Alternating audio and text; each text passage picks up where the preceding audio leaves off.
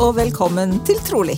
Samtaler i en norsk siste dagers helligkontekst som stort sett uten berøringsangst. Stort sett uten Litt, berøringsangst. litt i hvert fall.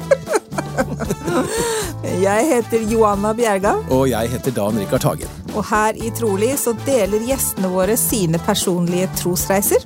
Og så snakker vi sammen om emner som opptar oss.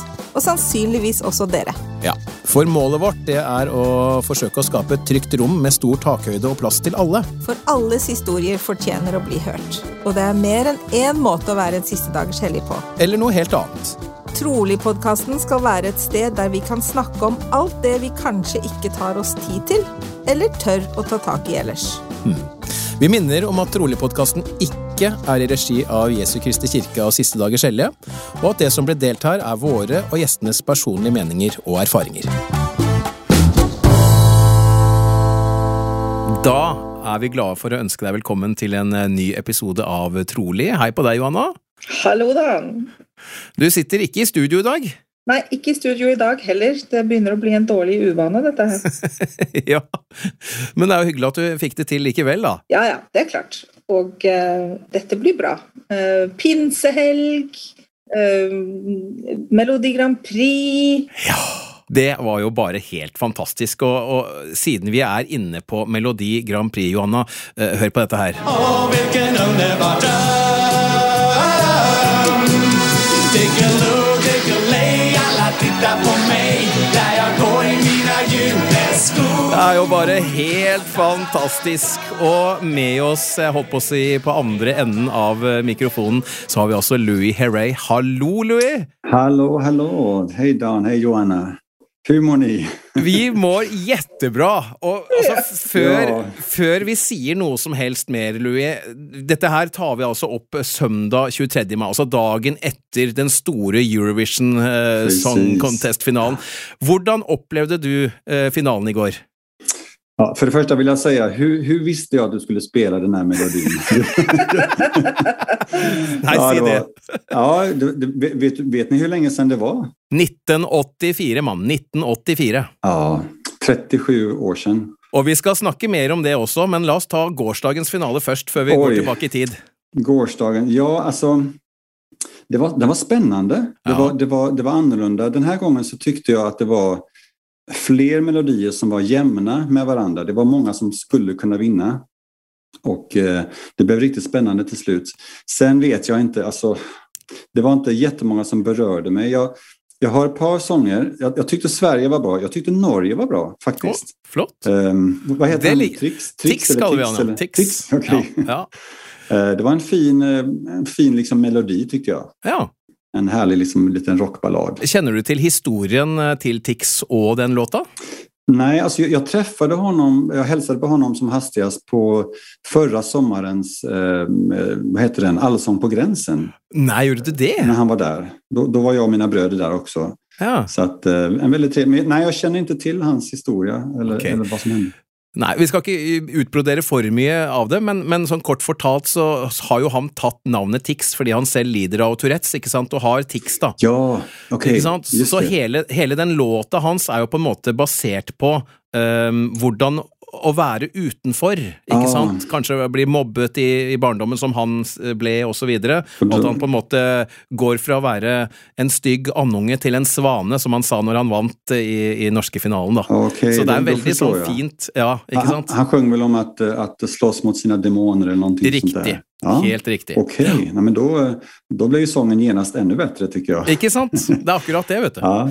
Nej, men, alltså, för övrigt, det, det fanns en, en melodi som jag kände It moved me, om man, om man får säga så. Och det, Ja. var, det var Frankrike. Ehm, Ja. Och sen, sen var det, det här kanske låter helt knäppt konstigt, men jag tyckte Ukrainas låt också moved me. Johanna, du, Eh, du, du håller ja. inte med? Nei, eh, det var en kommentar på den tråden jeg så i går. Hun sa ja, men det der blir en sånn bra sånn spinning-sang for meg. Ja, tror jeg. Hør her nå. det. Hør her nå. Her er den. Dette her likte du, altså? Ja, det, var, det var någonting med den här sången som bara fick mig att vilja hoppa upp och, och dansa. Men det var... Ja, Jeg merka at jeg ble, jeg ble litt sånn stresset av den låta. Jeg bare sånn, Ja. «Åh, Nå var det godt den var ferdig. sen, sen, sen, tycker jag, jag menar om jag ska, även om jag har varit med i Eurovision så jag har ju mina åsikter om att det har blivit lite mycket. Jag fick en kommentar från en, en vän i USA. Jag skrev på Facebook och så fick jag mycket kommentarer där från vänner som kommenterar sångerna. Men hon skickade ett, ett, ett direkt meddelande till mig. A private message.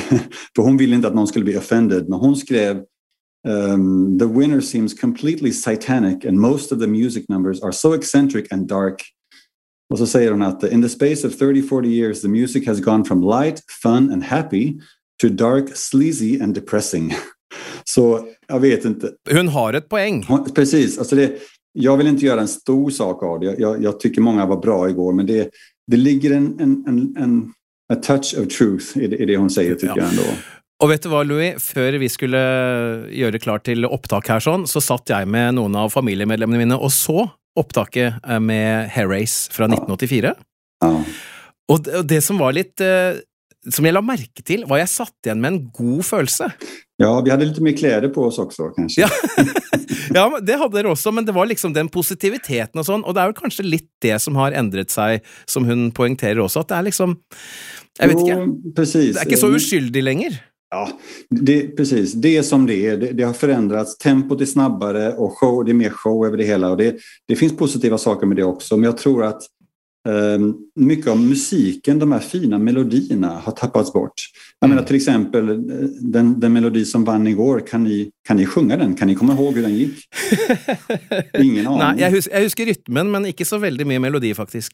Nej, så, så, att, eh, ja. Men det fanns eh, många fina talanger och vi, vi får se. Ja. Vi hoppas att det blir bra neste år i Italien. Vi får krysse fingrene for det. Ja. Men ok, da, la oss uh, avslutte da gårsdagens finale, og så går vi altså tilbake til 1984. Mm. Hvor uh, jeg, med sikkert mange millioner, som det pleier da, i hele Europa, satt og fulgte med på Melodi, eller Eurovision Song Contest fra Luxembourg, tar jeg ikke feil denne gangen? Ja, absolutt. Og jeg vil vel tro at enhver sistedagers helle i hele Europa heiet på Race. For jeg husker nemlig det at mine foreldre de sa 'Å, de der er medlemmer av kirken', og da var det jo selvfølgelig heia Sverige med en gang. Ja. Var, du, hvordan... var, du, var, du, født da? Hvor gammel ja, var du? Ja, ja, du, jeg var uh, faktisk uh, 1984. Da var jeg elleve år, ja. Ah, okay, ja. Jeg har alltid vært var, interessert i Eurovision. Men, men, det var den åldern som, uh, men det var mange barn just i den åldern som tykte om oss da. Ja, ja, ja. Men fortell litt om eh, opplevelsen. Eh, ja, dere vant jo. Ja, eh, alltså, vi, var, vi var den andra i Sverige som, som vann. ABBA vann ju tio år innan oss, 1974. Ja. Och, eh, ja, men det var stort såklart. Jag var 17 år gammal. Eh, Rickard var 19, Per var 25. Och det, det kändes som att vi hade vunnit eh, OS-guld eller någonting. Det var så, ja, ja, det var, men det gjorde ju det. Det, det, var, det, det var liksom, så det, det, det, gick liksom inte att förstå då när det hände. Och eh, man, man, var väldigt, eh, jag minns den känslan jag hade. Jag var väldigt stolt över att få tävla för Sverige, minns jag att jag kände. Wow, vi, vi har vunnit liksom för Sverige. Det var inte bara våran victory, utan det var, ja, vi har gjort det här för, mm. för hela teamet, för hela landet. Och det, det kändes lite kul. Fäderlandet! Ja, precis. Så det, um, så det, ja, men det var en stor händelse och um, någonting vi alltid kommer komma ihåg. Um, jeg husker ja. at uh, vi i familien uh, diskuterte Jeg er helt sikker på at de ba en bønn før de gikk på scenen. Ja, det gjorde vi. Ikke sant? Uh, ja, vi gjorde alltid det. Um, jag minns i Sverige när vi vann i um, i eh, Melodifestivalen. Kallar ni det för Grand Prix? Kanske? Vi kallar det Grand Prix. Ja. Eh, då bad vi en bön innan tillsammans. Vi stod i en liten cirkel ihop och så bad vi och nu innan Luxemburg så bad vi också. Ja. Och sen, sen, sen hade vi det som tradition ganska länge. Rickard blev så småningom eh, inaktiv i kyrkan. Så den traditionen dog ut lite grann men, men under en lång tid så bad vi alltid på varje konsert, på varje tv-program som vi kände verkligen att vi vi var så, vi var så välsignade, vi var så tacksamma. Um, ja. Det som vi gjorde, det var liksom, tänk så många människor som, som önskar att de kunde få vara i vår situation.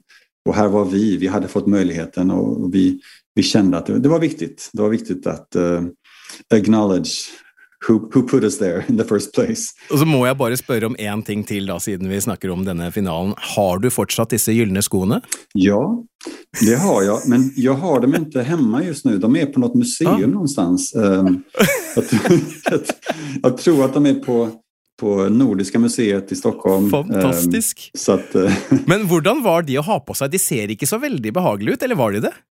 Alltså det var, alltså det är en rätt intressant, jag ska försöka dra en kort historia. Ja. Eh, Vi, vi hade, som ni vet så handlar ju sången om en man som dansar runt i gyllene skor. Och när vi, när vi först eh, skaffade kläder till den här sången så var det inte samma kläder, det var inte gyllene skor men vi fick, eh, det var mycket glitter, det var väldigt mycket paljetter och det var liksom, det var, it was too much. Så vi, vi, eh, vi tackade nej till våran, vi hade en, en assistent som hade tagit fram alla kläder åt oss men vi tackade nej. Vi sa att vi vill ha något enkelt. Vad sjunger vi om? Jo, vi sjunger om någon i gyllene skor. Vi köper ett par, på den tiden det var ju sådana här Peter Pan eh, 80-tals eh, boots. Eh. Så vi gick till en skoaffär, vi köpte tre skor, vi, vi sprayade dem med guld. Vi skaffade ett par vita byxor och pastellfärgade tröjor, något enkelt bara. Ja. Men vi hade ingen aning om att liksom det här med skorna skulle bli så stort. Hade vi vetat det så hade vi Ja. satt eh, copyright eller någonting på patent på Ikke sant? nu, nu, har varit miljonärer idag. guldskor överallt i alla butiker. Så, Eh, så det var, nej, men det var härligt faktiskt. Hvor lenge holdt dere på? Hvor lenge fortsatte liksom eh, musikkarrieren? Dere var jo et av de mest populære boybandene før boyband var en ting, liksom. Ja, vi, vi, kanske till och med var det första boyband i, i Skandinavien i alla fall. Ehm, det kan man ju diskutera, men, men eh, vi dansade och vi sjöng och vi höll på i, ska vi se, eh, i exakt tre och ett halvt år innan jag gick på mission sen. Så, ehm, och vi turnerade, det var mest ehm, runt om i Europa, Skandinavien, mycket i östländerna, i Polen. Året efter vi vann Eurovision så vann vi någonting som kallas för Sopotfestivalen som är, den är motsvarande festival fast för östländerna eh, på den tiden. Den, den hölls i Polen men det var också, jag tror det var 500-600 miljoner tittare på den här festivalen och vi vann där också eh, med en sång som heter Sommarparty. Och eh, på, när det är Eurovision så får man komma in och sjung, så sjunger man sången en gång till. Men på den här Sopotfestivalen, vi fick komma in fyra gånger och sjunga sången. Om och om, och om igen för att de ville inte att vi skulle gå därifrån. Ja. Och sen turnerade vi i Polen och Ryssland och i lite några andra eh, Sovjetstater. Eh, så det, var, det var spännande. Det var, en, det var en härlig tid men det var, det var tufft också naturligtvis. Det var inte så lätt för en ung man som jag var att eh, Alltså man blev väldigt upprotad. Eh, Man hade inget hem, man reste runt, man bodde på hotell i nästan ja, tre och ett halvt, fyra år. Ehm, Och naturligtvis så, jag tyckte att den här tiden var, den gav mig mycket när jag var på scen. Den gav mig glädje av att få ja, göra andra människor glada. Men jag tog inte hand om mig själv så bra kände jag. Ehm, Så jag, Mm. det var en av orsakerna varför jag gick på mission då, så småningom. Ja, ja. Det skal vi komme litt tilbake til også. Eh, Ja. Det var på denne tiden Jeg er usikker på Hadde du en låt alene som ble ganske stor? Var det ikke det som du sang på engelsk? Om det är den jag tror att du menar så är det Every Song You Sing. Det tror jeg det er, hvor du synger om at man er forelsket i en superstjerne, sant? Ja, det är sant. Ja. Det, det, det, är en, det är en sång som min bror Per skrev faktiskt när han var ung. Grunnen til at jeg kom inn på den, var fordi at eh, jeg snakket med kona mi nå før eh, opptaket, og hun hadde en stor crush på deg på den tiden. på Oj, oj, grunn av den låten. Og så spurte jeg henne hva, hva er det noe du vil jeg skal spørre, spørre Louis om. Og det er ikke noe, ikke noe i den retningen, altså. Men det hun spurte om, og det er jo egentlig litt interessant, du var jo litt inne på det også, det er hvordan opplevde du det å være da en siste dagers hellig og bli med i dette, kall det kaoset, som eh, gjerne kommer da, med å vinne en Eurovision Con- Contest-finale og, og musikk i det hele tatt? Ja, det var en bra fråga. Ehm, jag, hade, jag hade en biskop på den tiden som, som frågade mig hur klarar du av det här egentligen, alla flickorna och allting. Så, men Ja. Ja, ehm, alltså för mig så, alltså det är klart, självklart, så jag var ung, ung man, jag Eh, naturligtvis mycket hormoner på den tiden och man är intresserad av flickor såklart. Eh, och det var, men jag hade en, i alla fall de första, ja, första nästan två åren så hade jag en flickvän, eh, medlem i kyrkan. Eh, och ehm, vi liksom, ja, vi planerade att gifta oss säkert någon dag i framtiden. Så, så att i början var det inga, inget problem. Jag brydde mig liksom inte om de andra flickorna eh, alls. Eh, jag kunde sjunga till dem och liksom vara vänlig mot dem och ge dem en, en god show så att säga. Eh, men, men, men det lustiga var att ehm, när det tog slut mellan mig och min flickvän, ehm, och det var, det var hon som egentligen gjorde slut kan man säga, och jag var hard crushed. Det var, det var, då, då minns jag så väl ehm, jag hade en konsert i, i Tivoli i Köpenhamn. Det var kanske 15-20 000 eh, flickor som stod där och de skrek mitt namn. Mm. Och, um, jag minns att jag tänkte tanken, jag kan få vem jag vill av de här. Mm. Då var jag fortfarande lite um, heartbroken över min gamla flickvän och så. Men jag tänkte jag kan, alltså ärligt talat, jag kan få vem jag vill men, men jag vill inte det. Det känns liksom inte det, det känns inte bra. Uh, alltså jag vill, men jag vill inte. Förstår ni? Nej, nej, ja, det, det var lite den här, den här känslan. Och, um, för jag... Um, hur ska jag beskriva mig själv? Jag, jag har aldrig varit någon som... För det första har jag aldrig sökt någon uppmärksamhet. Jag, jag blev inte artist för att jag ville ha uppmärksamhet eller ville ha um, flickor omkring mig utan det, det, var för att jag älskade musik. Jag tror jag kan tala för mina bröder också. Um, Rickard gillade tjejerna lite mer kan jag säga. Det, är, det är ingen hemlighet, det skulle inte han säga heller.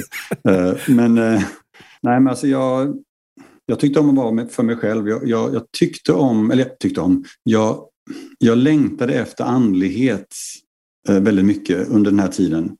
Eh, och det gjorde att jag, att jag gjorde allt jag kunde för att, alltså det var så svårt ändå. Jag vet inte om det här makes any sense men, men eh, alltså turnélivet är väldigt påfrestande. Ehm, man är upprotad som sagt. Och, och jag kände att jag hade inte riktigt, efter ett tag, efter ett par år så fanns det ingen mening i livet kände jag, för mig själv i alla fall. Jag gav glädje till andra människor men jag fann ingen glädje själv till slut. Mm.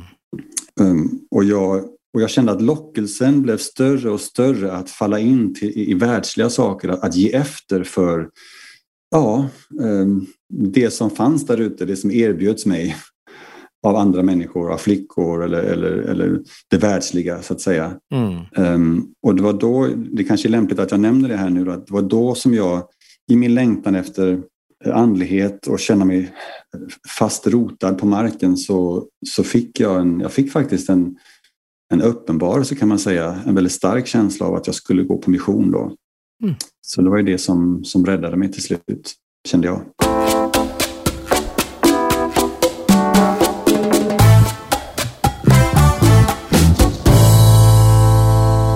Du hører på Trolig, og i denne episoden så snakker vi med Louis Herrey.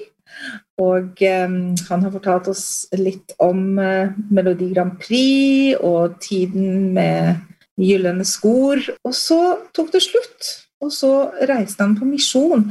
Du vokste tydeligvis opp i kirken? Ja, det stemmer. Jeg fødtes inn i kirken. Og um, så var du popstjerne en liten stund, og så fant du ut at du skulle reise på misjon. Det var jo litt spennende å høre at du følte at det var det som reddet deg. Så det var ikke sånn at um, eh, du ble presset til å reise på misjon, og folk var bekymret for at det ville ødelegge karriären, eller? Nej, tvärtom. Det var ingen, ingen, ingen alls som pressade mig. Um, och faktum är att jag hade en, eh, en pappa, min pappa, eh, min pappa Willy, som kanske några av er känner igen namnet på, ehm, han var, han var emot det här väldigt starkt. Att jag inte skulle resa på mission. Han, han, han ville inte det. Alltså, lite, lite bakgrund, om jag backar lite grann. Alltså när, vi började med musik när jag var väldigt liten, vi var sju, åtta år. Då jag och mina bröder och en syster på den tiden, en syster som heter Marie, vi var fyra stycken och vi, vi var med i talangshower och vi uppträdde och vi gick på dansskola och vi gjorde allt sånt där. Och, och ända sedan jag var liten så, så hade jag dels för min egen del, jag hade intalat mig själv, men också från mina föräldrar Ehm, kanske fått höra ganska ofta att det här är ett, eh, också ett väldigt fint sätt att kunna att, att vara missionär på. Att vara, på den tiden så var ju på 70-talet så var ju familjen Osmond väldigt kända i Sverige och även i Norge, jag är säker på. Så att eh, självklart var de eh, jättefina exempel för oss och förebilder på alla sätt och vis. Och vem vill inte bli som dem? Så att jag tänkte att, ehm, och det här när, jag, när de här åren hade gått på turné, de här tre och ett halvt åren, så tänkte jag ju fortfarande att nej men vänta nu, det här är ju min mission. Jag ska inte vara på en... Alltså jag hade aldrig tänkt att gå på en mission. Det, var inte liksom, det fanns inte i mitt sinne någonstans.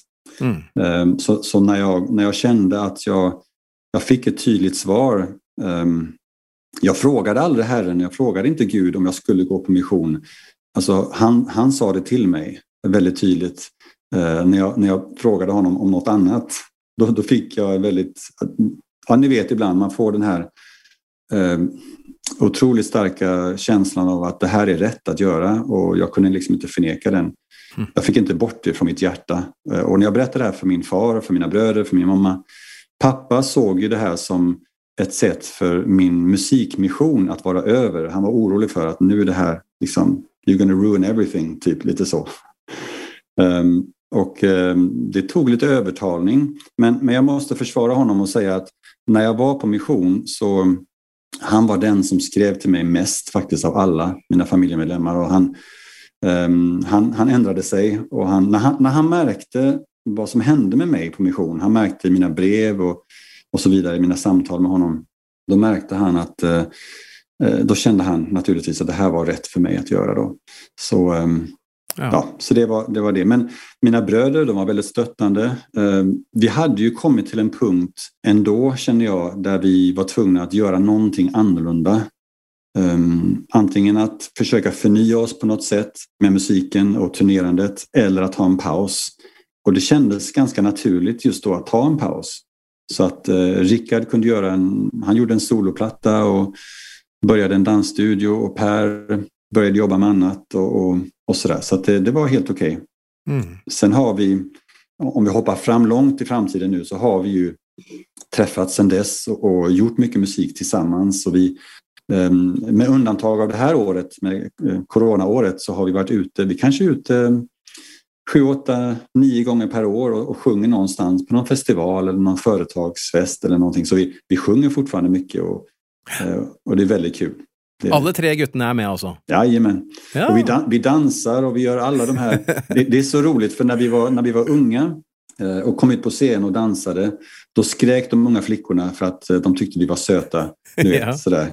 Men ja. nu, nu skriker folk för att de, inte för att vi är söta, men för att vi fortfarande gör den här, vi gör våra danssteg och vi snurrar med armen och vi går ner på golvet och folk skriker för att de är så förvånade att vi fortfarande kan dansa.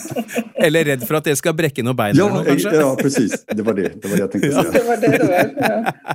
Så, så missionen blev verkligen källsättande för dig och blev ett viktigt vändpunkt, kanske kan vi säga. Och ja, du, absolut. du var på mission i, i Salt Lake, och det, ja. det är lite morsomt, för vi har um, för ett par episoder sedan så hade vi en till som var på mission i Utah. Han hade ganska mycket tankar och betraktningar runt det. Kan du fortälla kan du fortälla lite om hur det var? Vad slags upplevelse det var för dig att vara i att säga, kyrkans huvudkvarter? Ja, precis. Uh, först när jag fick kallet så, så var jag förvirrad. Jag, jag hittade inte Eh, jag läste fort igenom min kallelse och jag, jag, hittade inte var jag skulle åka någonstans på mission. Det stod någonting med Salt Lake men jag tänkte att det var ju därifrån pappret kom ifrån så det, det var kanske adressen då. Eh, men så läste jag igen Salt Lake City North Mission. Mm. Och då ställde jag mig frågan, har, har de behov för missionärer i Salt Lake? Eh, men det, det, det hade de verkligen. Alltså vi vet nu att de missionerna, nu, nu tror jag att det är tre eller fyra missioner i Utah och de, de döper alltså flest, ehm, de har flest konvertiter i, i dessa områden än någon annan engelsktalande mission i världen. Wow. Så att eh, vi undervisade mycket. Eh, det var det som jag märkte. Det, det första jag märkte var att vi fick undervisa väldigt mycket och, och eh, säkert tre, fyra dop i månaden. Eh, så det var en välsignelse, verkligen. Och det, det, har inte med mig att göra, det har med, med missionen att göra såklart. Um, vi fick mycket mat. Jag gick upp 10 kilo tror jag. Jag, jag, tror jag lagade mat fem gånger på hela missionen. Oj. På två år. Men vi fick mat jämt överallt. Så det var, Ändå en välsignelse. Ja, just det. Men Johanna, till din, jag, jag, förstår att du vill veta något annat. Uh, jag, jag, kände att um, alltså erfarenheten av att vara där uh, var stärkande. Man fick se på nära håll hur kyrkan fungerar och alltså ledarskapsmässigt. Och, fantastiska människor. Jag måste säga att jag, jag älskade min mission och lärde mig jättemycket om, om hur man, ehm, alltså om administration. Och för mig handlar inte administration om eh, alltså pappersarbete. Det handlar om hur kan man på bästa sätt vara effektiv för att nå så många människor som möjligt? För att det är, det är själarna som är det viktiga. Och, ehm, jag älskade min mission. Jag, jag hade möjlighet att få träffa också, ja, en dag så sprang vi på um, Elsta Oaks. Jag, jag tjänade i Salt Lake i en stad som hette Bonneville Stake. Där bodde Elsta Oaks och nästa dag så knackade vi på dörren och då öppnade eh, uh, Syster Worthlin. Äldste Worthlin var inte hemma. En annan dag så knackade vi på en dörr till en man som hette Brother Gillespie. Och Brother Gillespie var en, um, en, en privatsekreterare till president Benson. Um, och eh, jag ställde bara en, en enkel fråga till honom. Wouldn't it be really nice if we could have a, a conference with the prophet? Så sa han, well I'll see what I can do. Och så nästa vecka så fick vi ett samtal från missionspresidenten. Då hade profeten ringt till honom eh, och sagt att eh, vi ska träffa alla missionärerna i tabernaklet här. Det var en, en julkonferens. Så, eh, så det var jag som fixade det. Fantastiskt. Ja, nej, men, eh, för, för, mig, för mig var, jag tror om man ska sammanfatta det, för mig var det finaste att få undervisa i stort sett varje dag, många lektioner. Och det var där på mission som jag fick en, en kärlek till just att undervisa. Jag hade aldrig i hela mitt liv tänkt att jag skulle bli lärare någon gång. Men så fort jag kom hem från mission så, så utbildade jag mig till, till lärare på universitetet och fick min lärarexamen. Så, eh, så det var mycket tack vare missionen. Hvis du skal snakke litt om din trosreise, da. Nå har vi jo vært igjennom kan du si, ungdomsårene, som jo selvfølgelig i stor grad bar preg av musikkarriere og den slags. Ja. Så nevnte du i stad at du fikk en, det du føler en åpenbaring om å reise på misjon, og derfra og til i dag, da. Liksom, hvor på denne reisen var det at du virkelig visste at dette er sant, og at, at du på en måte bestemte deg for at dette er det jeg skal gå for? Eh, altså jag kan inte säga exakt dagen det hände, men, men det jag kan säga är att det hände långt innan mission. Att jag visste att det var sant eller kände att det var sant. Eh, det här med tron. Ehm, jag är lite försiktig med att använda ordet veta, för, för vi, vi kan inte veta allting såklart. Men min tro var väldigt stark innan mission. Det var den. Ehm, jag, jag, vet inte varför, men jag kan säga att jag, jag, fick, eh, jag har fått en barnagåva Eh, tron för mig är en barnagåva. Jag har alltid känt i mitt hjärta att det här är, att det här är rätt. Jag har liksom aldrig tvivlat på något sätt. Har jag haft det svårt i mitt liv? Har jag haft utmaningar där min tro har utmanats? Ja, absolut. Men det har alltid funnits där ändå på något sätt. Ehm, det, det, jag, det jag kände när jag fick min uppenbaring om att gå på mission, det var det var mer att jag behövde göra det här, dels för min egen skull men också att jag hade levt i en bubbla på något sätt. Ehm, där mycket centrerade kring mig själv. Och när jag kom på mission, ehm, då växte mitt vittnesbörd enormt mycket tack vare att nu, var jag inte, nu levde jag inte för, mig, för min egen skull längre utan allt jag gjorde var för någon annan. Och på något sätt så ramlade tioöringen ner. Det var, it all made sense to me now. Det var liksom det var det här livet handlade om. Mm. Um, det handlar om kärlek, det handlar om tjänande, det handlar om barmhärtighet, mercy uh, mot andra människor. Uh, det, det, handlar om att, att erbjuda andra det som jag hade fått. Mm. Um, så um, ja, sen efter mission så, så fortsatte jag på, på min resa. Jag, jag levde ganska länge som ungkar. Det var det var, det var lite svårt. Jag var nästan 30 år när jag gifte mig. Jag, jag fyllde 30 år två veckor senare. Och eh, det var en, en, en ganska stor prövning i mitt liv när jag, när jag inte liksom kom till rätta med ja, vem, vem är det jag ska dela mitt liv med. Eh, trots att jag hade trott en del gånger att nu var det på rätt väg men då var det inte så. Eh, ja, ni, vet, ni vet hur det kan vara mm. med kärleken. Um, Japp. Ja. ja, du skrattar. Uh, så, um, så, det, så det var en, det var väl en, en av de större prövningarna utan att gå in på för mycket detaljer där. Men, men min patriarkaliska välsignelse talar om för mig ganska tydligt att, att det skulle ta lång tid, att jag skulle ha mycket erfarenhet innan jag bestämde mig. Men för att svara mer på din fråga, jag, jag, jag, jag, kan inte ge dig en, ett tillfälle där här, här var det liksom där, där jag visste. Missionen hjälpte mig att förstå, alltså rent, vad ska jag säga, rent doktrinärt så växte jag väldigt mycket i min tro också och jag förstod, jag förstod meningen med försoningen på ett helt annat sätt än vad jag gjorde tidigare. Och det har förändrat mitt liv mycket. Och framförallt studier i Mormons bok där jag, där jag, har, jag, jag kan säga det, den boken har förändrat mitt liv. Um, Och det, det är inte ord jag säger bara för att jag måste, utan det, det, det är sant för mig. Amen. Så hur vill du definiera tro? Om du skulle definiera tro, vad är tro för dig? Alltså jag vet ju att, att tro i skrifterna, vi, vi, definierar ju tro som något, alltså det är hopp på någonting, om någonting som är, som är sant men som vi inte kan se. Um, och självklart är det så. Alltså det är mycket mer än det. Alltså tro är fantastiskt. Tro är, tro är en mirakelgåva. Jag vet, jag vet inte om ni har ni träffat människor som, um, som är så jättepositiva och har, har stark tro. Mm. Uh, och sen så träffar ni människor som har stark otro eller väldigt pessimistiska. Och, och jag, jag, känner liksom att när man är med folk som har stark tro, det skänker energi. Har ni, har ni märkt att man bara får energi? Mm, absolut. det är svårt att förklara varför, men den, liksom, den kommer där. Och på samma sätt när man, när man är med någon som har otro eller som är väldigt negativ så suger det ut energi. Man kan bli alldeles matt nästan. Ja. Så tro för mig, det, det är en Ja, jag brukar säga att det är en magisk kraft som kommer från Gud som skänker andlig energi. Det som gör att vi, att vi orkar leva livet och att vi kan se optimistiskt. Och, eh, ja, ni vet, Moroni han pratar om det här Eh, att det skänker hopp, att det är som ett ankare för människornas själar i Eter kapitel 12. Jag tycker det är så fint. Och det är verkligen så, det är ett ankare för min själ. Så det, för, för mig är också troen, det vill jag säga, att för mig är det en gåva. Det är inte så att eh, det kommer liksom automatiskt på något sätt. Jag, är, jag, jag berättade för er tidigare att, att jag kände att jag hade en, en barnagåva och det var tron att den liksom fanns där alltid. Jag, jag, vet inte varför jag hade det och kanske inte andra hade det men jag är tacksam för den.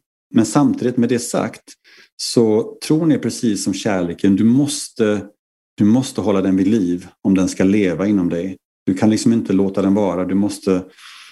Jag, jag tror att det står i ehm, i, i första Korintierbrevet kapitel 12 att vi ska, eh, vi ska sträva efter de bästa gåvorna och att tro, då, tro, hopp och kärlek är de största gåvorna, andens gåvor. Mm. Eh, och det, det, står till och med i den engelska versionen, jag tror att det står that we should covet the best gifts. Alltså covet är ju verkligen att, vad är det på norska, att begära, vad är det? Mm. Eh, begära. Begära, ja. precis. Yes. Ja. Um, och där tänker jag att där har vi mycket att lära oss. Eh, jag tänker på Nefi och hans bröder. Nefi som verkligen begärde att tro. Han ville verkligen mer än något annat tro på, på sin far, tro på Gud. Medan hans bröder, de, de trodde inte ens, de hade sett en ängel. De, du vet, det fanns ingenting egentligen som, de, som intresserade dem. Och jag tror att finns inte den här viljan inom oss, den här, det här begäret att tro, så kommer det aldrig att fungera. Mm. Så, um, Väldigt intressant. Så det, det, det, är mycket att säga om det där. Jag kan prata om det här i timmar, men jag ska inte hålla i så länge. Vi får laga fler episoder. Ja, men, men, det är väldigt intressant det du touchar där, för jag har också tänkt väldigt mycket, och jag, och jag känner mig lite igen när du säger detta med barnetro, för jag är också, selv om jag har haft mina år som uaktiv i kyrkan, så har jag liksom aldrig icke trodd. Ja. Och jag har ofta lurat på varför. Varför har jag alltid egentligen haft med mig troen, mm. som akkurat du beskriver også. Og så lurer jeg da igjen på hvorfor har andre ikke det? hva, hva, hva, tror, hva, tror, du, da? Hvorfor har du alltid hatt den? Eh, det vet jeg ikke, faktisk. Jeg kan liksom Altså, jeg kan på en måte ikke se tilbake til noen spesielle episoder, annet enn at jeg, jeg tror jeg hadde en opplevelse. I gamle dager så så man jo generalkonferansen på videotape eh, flere måneder etterpå. Ja. Og dette her husker jeg det var en gang men jeg var så liten at jeg var ikke inne sammen med de voksne og så på, så jeg drev og lekte rundt i gangene, men så husker jeg at jeg gikk bort til døra og tittet inn, der hvor de satt og så på, og da var det president Kimball som snakket. Mm. Og jeg, så når jeg tenker, eh, Det er jo lenge siden jeg begynte å tenke på det, eh, for jeg tenkte ikke på det da, men da er det akkurat som at jeg gjenkjente at jeg opplevde en følelse av å høre han snakke, mm. selv om jeg tror ikke jeg forsto hva han sa engang. Men det var nok et eller annet med at jeg visste kanskje hvem han var, og at det var nok til at jeg fikk en sånn jeg, tror, jeg vil ikke si at det var en sånn livsendrende opplevelse for meg, men det er i hvert fall en opplevelse jeg hadde allerede i ung alder. Och ja, jag vet inte. Ja, nej, men det är väldigt intressant och det är, alltså, det är, en, det är ju en känsla. Det är en, tron, du, den tro du har, du kan inte bevisa det för någon. Men, men du vet det själv genom, eh, ja, dels genom andliga erfarenheter, dels genom andens eh, kraft, dels också genom att du har, du har prövat tron. Mm. Eh, alltså Jesus fick ju en, en fråga av, av, av fariseerna en gång där de, de anklagade honom från att, att liksom, ja, bara vittna om sig själv och sådär. Och, han, och, och Jesus försökte förklara för honom att det han gör det är, det är Faderns vilja. Och om de skulle göra Faderns vilja, om de testade, Mm. alltså att de, om de, om de eh, vad heter det, Eh, när Herren säger pröva mig. Ja. Alltså om de prövade Herren och gjorde som Herren sa, då skulle de veta om Jesus var från Gud eller inte. Nettopp. Så att varje gång vi säger, om, om jag ställer mig upp och säger vid vittnesbördsmötet till exempel att jag vet att kyrkan är sann, vad är det jag säger då egentligen? Jo, alltså jag, det jag säger det är att jag vet att kyrkan fungerar, eller jag vet att evangeliet fungerar, ska Mm. jag säga. Mm. Ja. Alltså, när jag, när jag följer Gud, när jag håller buden, ja då händer det här. Eh, Alltså jag ser goda frukter av det. Det är det som gör att jag kan veta inom situationstecken eller tro starkt på det här då. Mm. Ehm, Så det, det handlar väldigt mycket om, alltså tron är, en, tron är en kraft vi får som gör att vi kan agera. Eh, Her- Herren säger i lä- i läran och, vad heter det på norsk? Är det, är det lära Lära och pakter. pakter? Ja. Eh, Är det kapitel 50 tror jag någonstans? Eh, Att, att han ger oss ljus och när vi tar emot ljus och, och bygger på det då får vi mer ljus Mm. och mer ljus. Eh, Vi växer alltså nåd för nåd, men vi gör det för att vi har prövat Herrens ord. Det är det som är det viktiga. Och, och igen, jag, jag, jag tackar Gud. Jag säger inte att jag, jag, jag ger inte mig själv någon credit alls egentligen, utan jag, jag tackar att jag har haft den här önskan eh, inom mig att, att alltid vilja pröva Herrens ord. Eh, först, det första jag gör, jag, jag, jag prövar Gud först innan jag prövar världen, förstår ni? Mm. Så att jag, jag, litar på honom mer än vad jag litar på, på andra källor. Eh, och det, det har räddat mig, måste jag säga. In, inte att jag har gjort allt perfekt i mitt liv alls, men jag tror ni förstår vad jag menar. Ja, vet du hva? Jeg blir så, jeg, jeg blir så glad jeg, når jeg snakker med mennesker som, som sier det som du sier nå, Louis. Jeg, jeg blir så oppriktig glad. Ja, vad kul! Vad, Ja. ja. jag blir glad att du är glad. Ja. Det er eh, Ja, nei, det, det rører eh, ånden min, for å si det rett ut. For jeg er så, jeg er så enig, og jeg kjenner så godt igjen. og og is- igjen, som sagt, jeg, jeg, skj- jeg skjønner ikke hvorfor noen vil velge å ikke For det er som du sier, det er, bare, det er jo bare å prøve det. Så, altså, det, det beviser seg selv. Ja, men precis, exakt. Och, och sen, sen naturligtvis så eh, alla har vi olika erfarenheter i livet och, och det finns de som har haft naturligtvis svår, mycket svårare prövningar i sitt liv än vad jag har. Så att jag, det sista jag vill göra är att döma någon annan. Till exempel om någon har valt att inte vara med i kyrkan längre. Då, eh, jag, jag är ledsen för det. Jag är, jag är innerligt ledsen men eh, jag, jag förstår att folk har det svårt. Jag förstår att det kan vara kanske en del av processen som de behöver gå igenom just nu. Eh, men för att, för att komma tillbaka så kanske man först måste ha gått bort, eh, gått iväg någonstans. Eh, och det kanske är så. Så jag, jag är inte så orolig för, för, för människor jag ser i min närhet som, som går bort. Jag, jag, gör, vad- jag gör vad jag kan att, att älska dem, att, att vara deras vän. Men, men till, till syvende och sist, de är i Guds händer. Han, det finns en som älskar dem mer än vad jag gör och det är Gud, eh, deras himmelske fader. Och han vet deras namn, han vet vad de är och eh, han kommer att föra dem tillbaka. Det, det, så det är jag inte orolig för. Dette er noe som, er, eh, noe som jeg og min kone har snakket om en del i det siste, for dette er, dette er veldig viktig lærdom, det du snakker om der, tror jeg, fordi at vi som foreldre har ofte lett for å ta på oss hele, hva skal jeg si, ehm, at, det er, at, at vi skal sørge for at de går i kirken, vi skal sørge for at de kommer tilbake til himmelske fader, men egentlig så er ikke det vår oppgave. Ja, vi skal selvfølgelig lære dem opp, men vår første, viktigste oppgave er å elske dem uansett hva, som du sier. Og så må vi da også ikke glemme at eh, vår himmelske Fader, han har sin rolle i, i denne treenigheten, da, precis. for å kalle det det, mellom barn, Exakt, foreldre og Ikke sant? Men den, den glemmer, har vi merka, at den glemmer vi ofte, og tenker at nå må vi gjøre noe. Ikke, ja. Du vad Ja, menar? precis. Du har helt rätt. Jag, jag, har, alltså jag har ju två, jag har tre barn, två söner och en dotter. Eh, Och mina, mina två, och det här är ingen hemlighet, jag kan säga det här, mina två söner eh, är inte aktiva i kyrkan just nu. Eh, Jag säger just nu för jag tror att de kommer tillbaka någon gång. Mm. Och jag säger det till dem också. Jag säger att ni kommer komma tillbaka. och de säger okej pappa. Så de liksom, they know, I'm, they know I'm not giving up. Uh-huh. Um, men, nej, men skämt åsido, Jag hade ett samtal med min son härom veckan faktiskt, eh, min äldsta son, och han sa, han sa till mig, pappa, jag, jag är så tacksam för att um, för det första sa han att han är tacksam för att vi har kyrkan, att vi har, att vi har evangeliet i vårt liv. Även om inte han är aktiv så han vill absolut inte att, att jag ska lämna kyrkan. Han sa, det får du inte göra pappa. Mm. Han, han, känner någonstans att det, det, är hans trygghet att, att jag och hans mamma är kvar. Och, och det, det, är en rätt speciell tanke måste jag säga. Och det andra han sa det var att jag är så glad att, att ni aldrig har dömt mig för att jag har valt att leva ett annat liv. Utan att ni har, ni har älskat mig oavsett vad. Um, och jag sa till honom, men det är ju självklart. Det, vad, vad, kan vi göra? Det finns ju inget annat val. Jag hoppas att det är så här i de flesta familjer. Jag, jag, och jag tror att det är det. Uh, kanske förr i tiden så var det tuffare. Det, det, det, kan jag förstå att det var. Att det var mer att föräldrar var mer stränga i sin uppfostran i, evangeliet med sina barn. Det tror jag säkert. Men eh, om det är någon förälder där ute som hör det här som är medlem i kyrkan som som på något sätt skuffar undan sina barn för att de inte går i kyrkan så sluta med det genast. Det, det är orättfärdigt. Det, det, kan vi inte göra. Um, det, det, är inte Herrens sätt. Um, utan det är i hvert fall inte Kristuslignande. Nej. Um, jag, jag, förstår, jag förstår att det kan vara... det finns dagar då jag har känt stor sorg över att, att, till exempel att mina söner inte har gått på mission. Det är inte för sent än men ja, som det ser ut nu så går de inte på mission. Uh, och i mitt hjärta så, så gör det ont för jag vet själv vad det betyder för mig att vara på mission. Hur mycket jag växte som människa Nettopp. och det jag kunde ge till andra.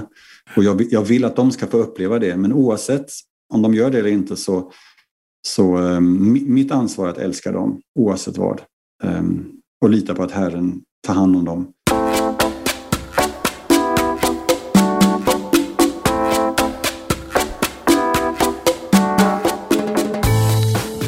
Ja, Johanna, Det er jo ikke akkurat første gangen at vi har mye å snakke om når vi har eh, hva skal jeg si, en, en god gjest på besøk, som jo alle våre gjester er. Nei, det er sant. Og det har skjedd før at vi har tenkt oi, denne episoden må vi dele i to, men så har vi latt være. Ja. Men denne gangen må vi faktisk dele episoden i to. Vi kommer ikke utenom. Det må vi nesten bare gjøre. Ja. Og det er rett og slett fordi at det er så mye bra som vi ikke har lyst til å ta bort og ikke la komme ut. Så oppfordringen er få med deg del to av denne trolig-podkasten med Louis Hooray! Og vi lover du skal få slippe å vente i to hele uker før du får del to av denne episoden. Vi lover den kommer til helgen.